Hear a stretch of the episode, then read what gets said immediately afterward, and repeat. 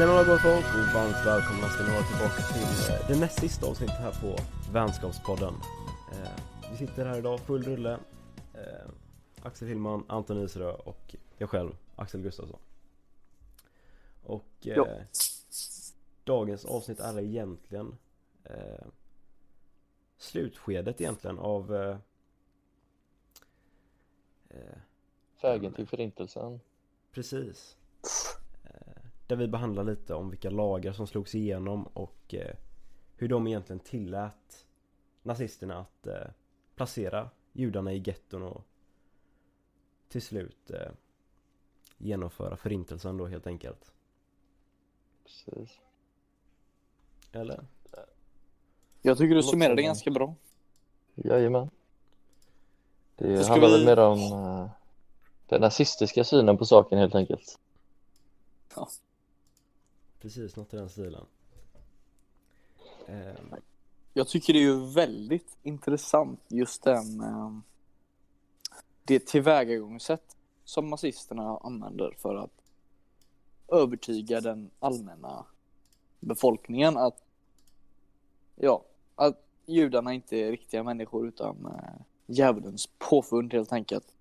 Och på det sätt som de avhumaniserar judarna genom att under en längre tid repeterande eh, ja, men komma med lagar och utföra eh, vad, nu glömde jag av ordet för det, men det är sån här eh, marknadsföring. Vad fan heter det? eh, Ni vet vad jag tänker på, såna bilder typ. Propagan- propaganda. Propaganda. Ja, propaganda.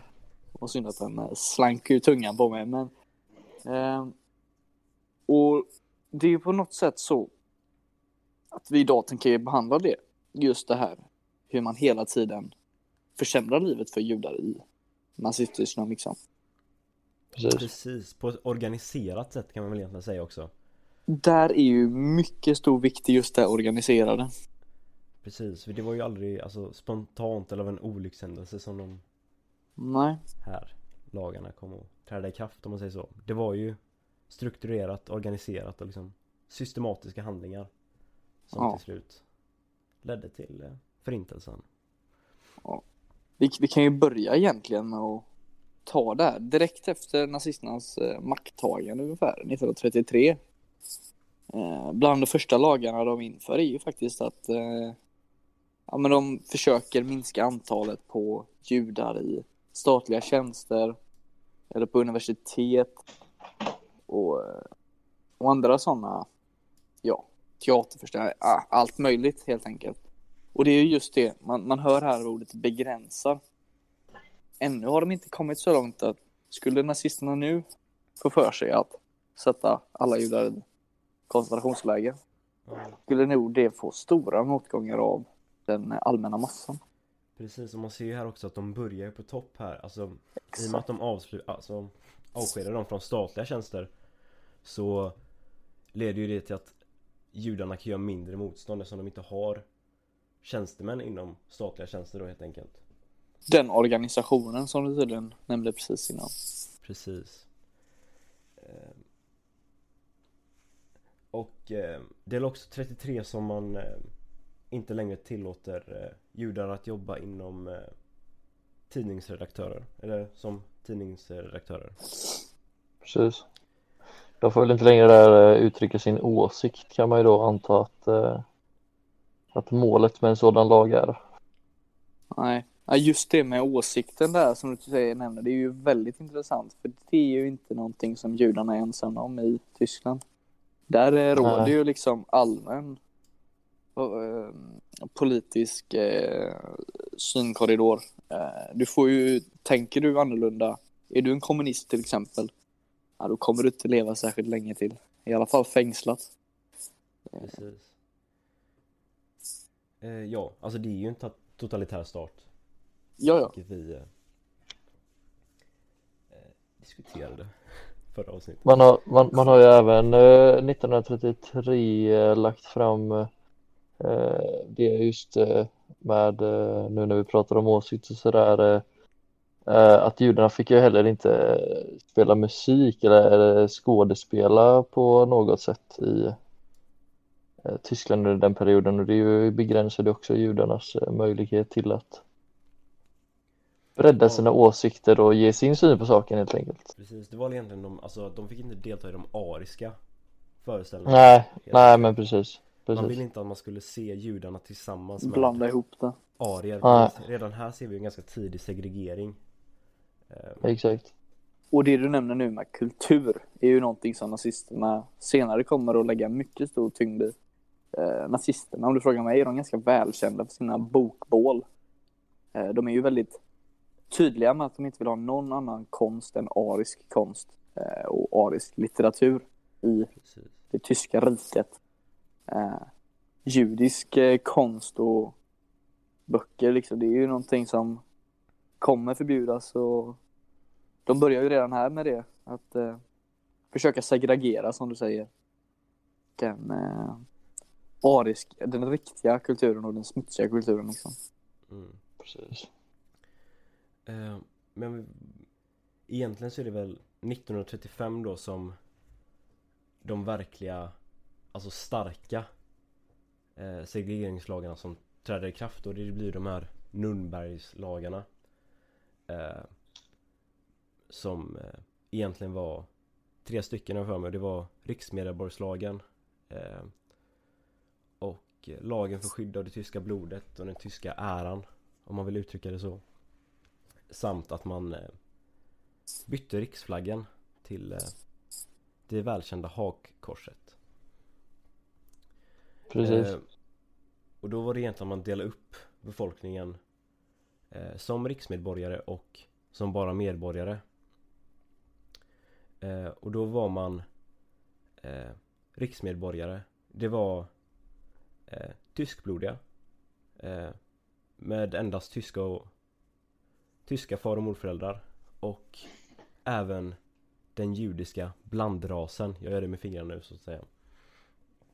Eh, Precis. då man hade en En till två judiska far till morföräldrar Och sen har vi också Jude Som eh, Ja Fick vara medborgare då endast eh, Med tre eller fyra judiska far och morföräldrar. Och eh, Det är ju egentligen här som juden förlorar sina Civila rättigheter. Eh, Och istället blir betraktad som en statlig tillhörighet Då man inte längre får rösta i det tyska valet och så vidare Precis. eh, Och i samband med det kom ju också lagen för att skydda det tyska blodet där man inte fick eh, eh, Ja Man fick inte para sig så att säga En jude fick Ja. inte para sig med en tyskblodig kvinna och så vidare bla bla bla eh, Och det Precis. till, krävdes tillstånd för en judisk blandras att eh, ha sexuell kontakt med en eh, renblodig och så vidare. Precis. Eh, ja. Det var like, de Ja, tidigaste pre- starka eh, nya lagarna då. De är ju väldigt inflytelserika på vad som komma, komma skall om man säger så. Precis. Eh, Sen har vi ju även eh, barnfamiljerna, du är inne lite på det, att eh, de får ju också, eller judiska familjer generellt, de slutar också få bidrag från eh, den tyska staten eh, 1936, det var året efter där. Och det gör ju också det mycket svårare för eh, familjerna att eh, leva sina vanliga liv så att eh, säga. precis. Ja. Då, är- då är det också ett tecken på att eh, man utesluter judarna då från eh, samhället på grund av att eh, alla i samhället är ju, har ju egentligen hela tiden fått det här bidraget då från staten men att man nu väljer att utesluta judarna på ett sådant sätt gör ju att man eh, också tyder på en eh, stor segregering då inom tyska samhället. Precis. Ehm, Jag tänker det här året efteråt så kommer ju det också med att judiska barn inte får eh, gå i, vad blir det? Ja, alltså icke-judiska barn ehm, får ju gå segregerat från judiska barn. Ja, De judiska barnen får studera i särskilda klasser liksom. Eh, precis. Och eh, judar förbjuds även att göra Hitlerhälsningen. Eh, Ja, det kan ju påstå sig vara väldigt löjligt idag, men eh, ja, det låter ganska löjligt men det är också en eh, faktor som alltså skiljer dem åt från eh, precis. resterande. Det ska inte finnas någon samhörighet mellan dessa två folk. Det fina ariska och det smutsiga judiska folket. Och då är det ju ganska självklart att en så ståtlig gest som att hälsa på Hitler klart ska förbjudas. Jag, jag vet inte hur många judar som innan detta använde sig av Hitlerhälsningen. Eh, och av de som var judar och gjorde Hitlerhälsningen vet jag inte hur många som slutade på grund av den här lagen. Eh, då gömde de sig nog fortfarande som försökte passa in liksom. Eh, Ja, Så det är ju en lite märklig lag egentligen. Det kanske är en lag som man inför för att bara visa den makt man har och att judarna inte kan säga till om någonting. ja och alltså egentligen att man så Jag kan tänka mig som att som Hitler att man inte vill ha någon som helst kontakt eller att de ens Ja, men precis. eh, Ja. Men det är ju egentligen om, om eh, 1938 eh, det är ju då Tysklands expansionspolitik egentligen har börjat ta fart. Man har ju annekterat eh, Österrike i vad som kallas Anschluss och Anschluss. Och eh, man har ju liksom påbörjat eh, annekteringen av ja, först Sudetenland men sen hela Tjeckien. Eh, det är ungefär 1938-1939 som det blir färdiggjort. Men det är också nu som Tyskland känner på det här. Oj vad vi är. Eh, det, det, det, vi är oövervinnliga i Europa. Eh, Det är ingen som kan stoppa oss. Eh, Och, och därav tror jag att de nu börjar att eskalera den lagföringen mot judarnas mänskliga rättigheter liksom. Det är ju nu eh, som kristallnatten äger rum. Eh, eh, om jag inte har fel. Eh, och det blir ju väldigt allmänt med eh, ja, vad heter det? Allmänna eh, slagsmål, vad fan heter det? Jag, jag är duktig på att glömma av ord idag, så det har jag med. Eh, riots heter det på sven- engelska. Eh, uppror eller ja uppror precis mot judiska affärer. Eh, och, och liksom hela den här företagsverksamheten som judar tidigare har kunnat utföra har ju Ja men det, det förbjuds ju nu. precis Och, och jag, jag tror du var inne på det där någon gång att eh, judarna flyr Tyskland. Precis, alltså det är ju inte jättekul för en att Nej. vara jude och bo i Tyskland under den här tiden. Nej. Ehm, Och det, och det är ju lite det som är målet Precis. Ty så Tysklands så- mål så här tidigt i eh, planen, eller planen om den judiska frågan, är ju Mm, lite att de inte ska vara på det, blanda sig med det ariska folket liksom. Precis. De ska bara någon annanstans. Målet är ju egentligen en etnisk rensning skulle jag vilja säga. Det är ju någonting faktiskt som, som jag förstår det, som kommer lite senare. Utan de vill bara flytta judarna till en början liksom. Precis, men delar det i etnisk rensning, alltså man vill tömma landet på den etniciteten. Ja visst. Och så där, därför inför man de här lagarna för att liksom göra livet skit för dem. De vill att de ska flytta liksom. Ja, för jag tror 1937 i Hermann Görings Nej, Goebbels menar jag. Goebbels. I hans dagbok. Exakt. Eh, så skriver han någonting att, eh, att eh, döda alla judar, det skulle vara fruktansvärt oetiskt och olikt den tyska eh, ja, andan liksom. Eh, men man, jag vet att det föreslås en eh, idé så märklig som att skeppa alla judar till Madagaskar faktiskt. Ja, Eh, eh, då som en, ett form av Israel liksom. Eh, judarnas land. ja. Eh, Så att de är där och inte i tyska land. Eh, Men det här visar sig vara lite svårare än planerat. Eh, Och sen kom ju ett krig också vilket svårar till det ännu mer. Precis, och det är liksom egentligen 39 när alltså, kriget utbryter så är ju egentligen den nazistiska drömmen om ett judefritt Tyskland på väg att besannas Jajamän. nästan. För ehm, det finns ungefär 282 000 av Tysklands eh, judar kvar av de cirka 500 000 judarna som fanns. Eh, resterande har ju emigrerat då. Eh, och bland dessa kanske det är värt att nämna att eh, där finns Albert Einstein med och eh, den eh, österrikiska eh, Sigmund Freud. Eh, Ja. Vilka båda emigrerade till USA.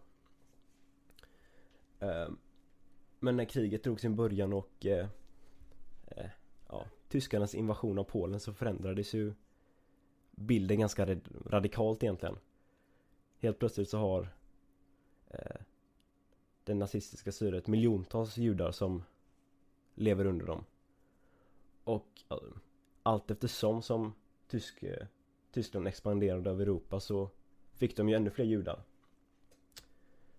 Eh, I sina händer om man säger så. Eh, så vad skulle de göra åt detta problemet egentligen då? Den så kallade judefrågan. Eh, och det blev ju egentligen till att koncentrera judarna till en början. I eh, områden där Eh, det bodde många judar från början. Så flyttade man dit ännu fler judar. Eh, så kallade getton. Eh, ja, Där var det största gettot var i Warszawa va? Har jag för mig. Och många andra i polska lite större stader, städer. Eller i utkanten av dem. Och det är ju här 1939 som du säger eh, som tyskarna ändrar sin bild om att eh, bara bli av med judar till att okej, vi kanske borde ta koll på dem en gång för alltid liksom. precis. Och det ser man ju lite på de lagarna som införs. Eh, exempelvis eh, eh, judar som försöker lämna landet utan tillstånd blir tillbakaskickade till koncentrationsläger. Precis. Eh, Eh, så nu har ju Tysklands utrikespolitik inom det här ämnet förändrats ganska drastiskt. Och det ju inte till det bättre för judiska folket. Precis, och det är också här man eh, börjar med att märka judarna så, alltså de tvingas lägga till Israel eh, och Sara som mellannamn. Mm. Eh, Ja. Det här har ju börjat redan 1938 egentligen med eh, eh, J i passen, sitt pass, exakt. Ja. att de de eh, tvingas märka Skapa sina något då, fysiskt. Ja. inför kristallnatten och så vidare. Mm. Eh, och ja, judar får inte längre bo i samma hus som arier. Nej. Eh, Så det blir egentligen olagligt för dem att bo någon annanstans i getton i princip. Ja, men de, de förslas ju dit liksom. De tvingas bosätta sig i getton. Ja. Där eh, levnadskvaliteten är under all kritik. Eh, det bor ju tiofaldiga fler per kvadratmeter än vad som är rimligt för en människa att överleva i. Ja. Matransonerna är knappa och eh, majoriteten av den mat som judarna i dessa getton får är ju insmugglad mat. Eh, för de får så otroligt lite. Precis, jag tror att det är ungefär att de blir tilldelade eh, 200 kalorier per dag eller något sånt. Precis, jag har läst något liknande. Precis, och då kollar jag här lite på bilder framför mig här nu. Eh, för hur mycket 200 kalorier är. Och jag tänker att jag sätter lite ord på det och ser här för er. Eh, och det är egentligen eh, en skål med majs. Två kolaglas. Ett glas mjölk. Nu, nu säger jag detta i endelar då så att det är liksom Ja, du får inte allt tillsammans Nej, utan det är En två mjölk. exempel. ett, ett glas mjölk är 200 kalorier. En skål majs är 200 kalorier.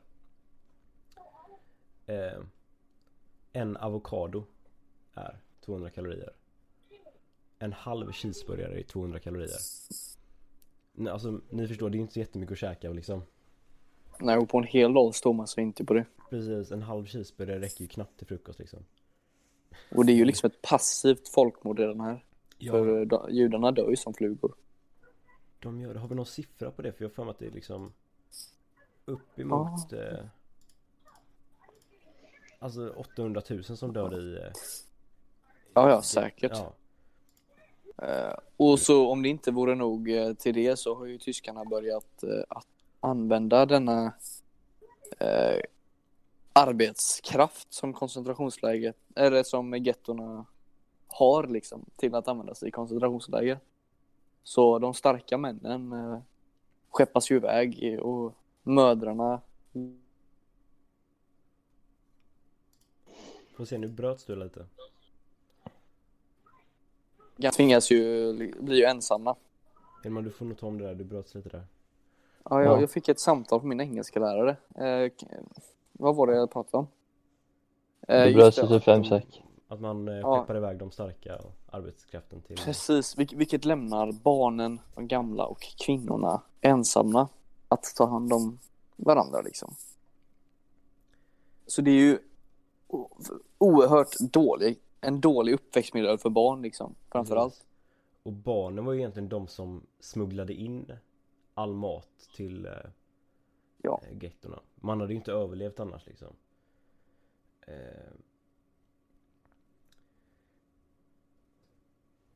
ja, precis. Och det fortsätter ju så liksom eh, eh, under hela krigstiden liksom och det är ju ständigt så att eh, Ja precis, alltså det förvärras ju hela tiden. Eh, För judarna. Allt eftersom de ser, alltså sakta och sakta sin eh, Sin mänsklighet försvinna kan man väl säga. Sina precis. avhumaniseringen går ju bara i en exponentiellt snabbare takt nu mot slutet av denna hysteri. Eh, Det- det är ju Ja, det- 1941 Mike- som, eh, ja det kanske, har du något att säga? Nej, fortsätt du, jag lägger till sen. Ja, 1941 där så utvecklas ju den eh, här eh, identifikations eh, eller separationsmetoden ytterligare där med den här Davidsstjärnan som alla judar var tvungna att bära. Och, och, och, och sådana här när, när judarna deporterades så förlorade de ju sitt medborgarskap som de fått 1935 där. Eller när de inte var riksmedborgare längre. Så nu, det är ju hela, de, gör ju det hela tiden lite värre för judarna. Ja. Ja, det är det jag skulle säga där. Man kan egentligen se eh, en, liksom en tidslinje över egentligen från 1933 när den första lagen sätts med eh, det var någonting med föräldrar och morföräldrar och farföräldrar och sådär att de inte får jobba inom eh, staten längre. Från den lagen som kan anses som eh, ganska mild egentligen så trycker man ju och hela tiden fortsätter liksom och under de här, vad är det nu, nio åren typ nästan, ja tio kan vi väl säga då blir ju lagen allt eftersom mycket, mycket mer skärpare och barn får inte gå i skolorna, familjerna får inget bidrag.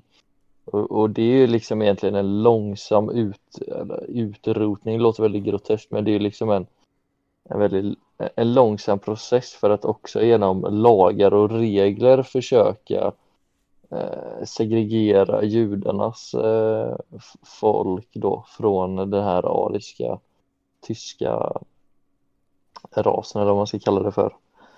Eh, Så, så i takt med att eh, lagarna blir allt mer eh, skarpare så blir de ju också fler. Och det gör ju liksom att eh, judarnas liv, inte bara genom koncentrationsläger eh, och eh, genom den typen av folkmord som nazisterna höll på med utan även liksom att bara leva som jude var ju liksom ja det gick nästan inte eh, i början på 40-talet där för då det, det var ju så mycket begränsningar och regler på, på att vara jude så du dog ju egentligen vare sig du var i koncentrationsläger eller utanför liksom. Precis Vi har ju han här professorn eh, Viktor eh, Klemperer eh, Ja. Som har skrivit sin dagbok Just det. Som jag tänkte att jag skulle ta upp här lite Ehm, Han var ju professor som blev eh, tvångsavskedad och så vidare Under den här tiden Eh, Men han beskriver det ju som att Det är ju som du säger Anton att det är liksom så här, Det blir en väldigt lång process Så att Ja. de plågas ju hela tiden under den här liksom För det fanns ju liksom Inga detaljer som var för små för eh, Lagen att omsluta eh, Nej. Så han Nej, eftersom det är liksom- en totalitär stat. Precis Och det är det Klemperer skriver här egentligen att Det är inte de stora dragen som är viktiga för mig Utan vardagens tyranni Tusen myggbett är värre än ett enda slag i huvudet Jag observerar och Ja. noterar myggbetten Ja, Det blir okej. liksom som en Ja att de långsamt plågas istället för att Få ett snabbt slag i huvudet liksom Ja. Men jag, alltså det Ja, är inte det är något som De här lagarna kom ju till ganska, alltså ut, historiskt sett Väldigt snabbt liksom ja, exakt. Ja, det är klart om man jämför med idag så hade det aldrig gått så fort Eh, att eh, utföra alla de här lagarna eh, på så kort tid som det ändå i eh, perspektivet är.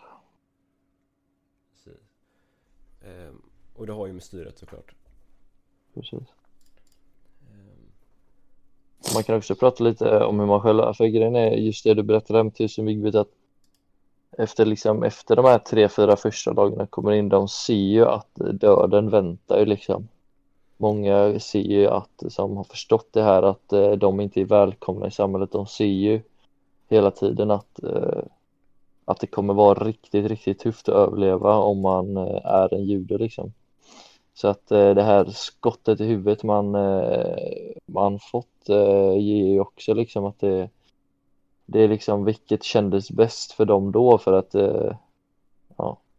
Jag kan tänka mig att om man sitter i den sitsen där man vet att det är döden som väntar så kanske det är enklare att liksom istället för att få de här små små liksom eh, lagarna mot sig hela tiden där allting blir värre och värre och man hittar en eh, en liten eh, en liten bugg i systemet där du ändå kan leva på ett bra sätt. Men eh, eh, något år efter det så eh, fastställs även det som en lag som någonting som judar inte får tillgång till eller vad det nu kan vara liksom. mm, Så det var ju varenda liten grej som eh, gjorde att du fortfarande kunde leva som en jude, det försvann ju så fort den upptäcktes av nazisterna då. mm, Precis, och det var ju alltså, det var ju säkert många som förutsåg att liksom Det här kommer inte sluta bra, alltså vi kommer ju inte överleva. Ja, precis. Nej, Och det var det som också eh, inspirerade till alla de här gettoupproren och så. Ja, eh, Kampen emot. Man kan väl nästan se det lite som en kedjereaktion, de här lagarna. ja, Jo, Okej, göra. någon, någon säger att judar är ja, men lite sämre klass. Ja, vi, vi stoppar deras liv lite grann. ja, Och nu inser tyskarna av, nu får vi det bättre här. Fan, det kanske inte var så dåligt. Då har ju nazisterna all den makten att bara kunna sätta en till maktstämpel för att visa sin makt och sänka ner dem. Vilket gör att det allmänna omtycket om judar minskar åter mer. Eh, Och som vi ser i slutet här så till slut blir det ju att judarna li- blir en annan ras som inte är eftersträvarbar liksom. Eh, De tappar ju sin mänskliga värde. Eh, Och, och det är någonting jag tror att vi ska diskutera väldigt mycket i nästa podd. Precis, jag tänker ju att vi egentligen eh, I nästa är det ju egentligen en sammanfattning av Ja, folkmordet Och Ja. hur det står sig i kontrast till andra folkmord Precis. eh, Och det handlar ju mycket om de här Folkmordets åtta stadier och så Där vi kan se Mm. att eh, Förberedelse och organisation eh, Som leder till utrotning till slut då Där man till slut deporterar judarna från getton till Mm. koncentrationslägren Känner ni att ni är klara? ja, För då hade jag tänkt vilja avsluta med ett litet fint eh, citat här, eller om man nu kan säga det. Någonting som jag tycker kan sammanfatta dagens myggbett, om man säger så. Ja. Och det är just någonting som associeras väldigt starkt till nazisterna och det är ju det här, säg en lögn som är så otroligt tillräckligt många gånger och tillräckligt högt så kommer folk troligen tro på det till slut. Och det är ju någonting vi kan se med Trump idag och det är ju lite oroväckande men ska ju inte vi bli politiska. Nej. Precis. Ja. Ja, då säger vi väl så tills nästa gång. Tycker jag. Det gör vi. Då vi eh, diskuterar lite extra. Ha det så fint. Ha det jättefint. Ha det fint. Hej.